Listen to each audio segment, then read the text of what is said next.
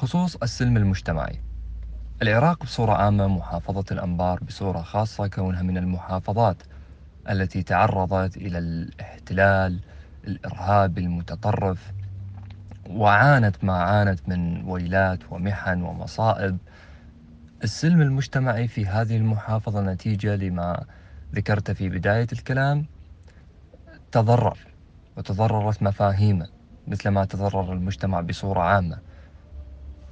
اليوم اهتمام الناشطين والمتطوعين سواء المختصين في مجال بناء السلام أو بباقي الاختصاصات أجمعوا واتفقوا وعملوا لأجل تعزيز هذا النوع من أنواع السلامات المتعددة التي يحتاجها المجتمع ويتطلبها ومن بينها السلم المجتمعي على وجه الخصوص.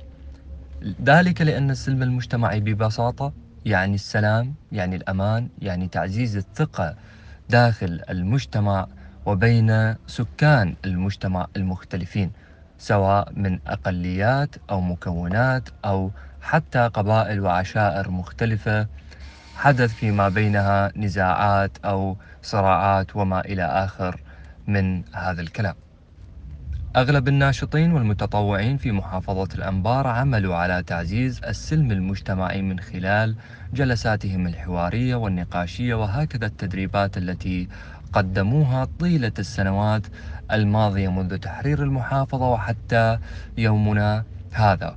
آه، بالإضافة إلى ذلك هناك آه، ثلاث دفع آه، خرجت جامعة الأنبار من طلبة دبلوم السلام والذين سيكونون مع الناشطين في طريق واحد يسعون لهدف واحد.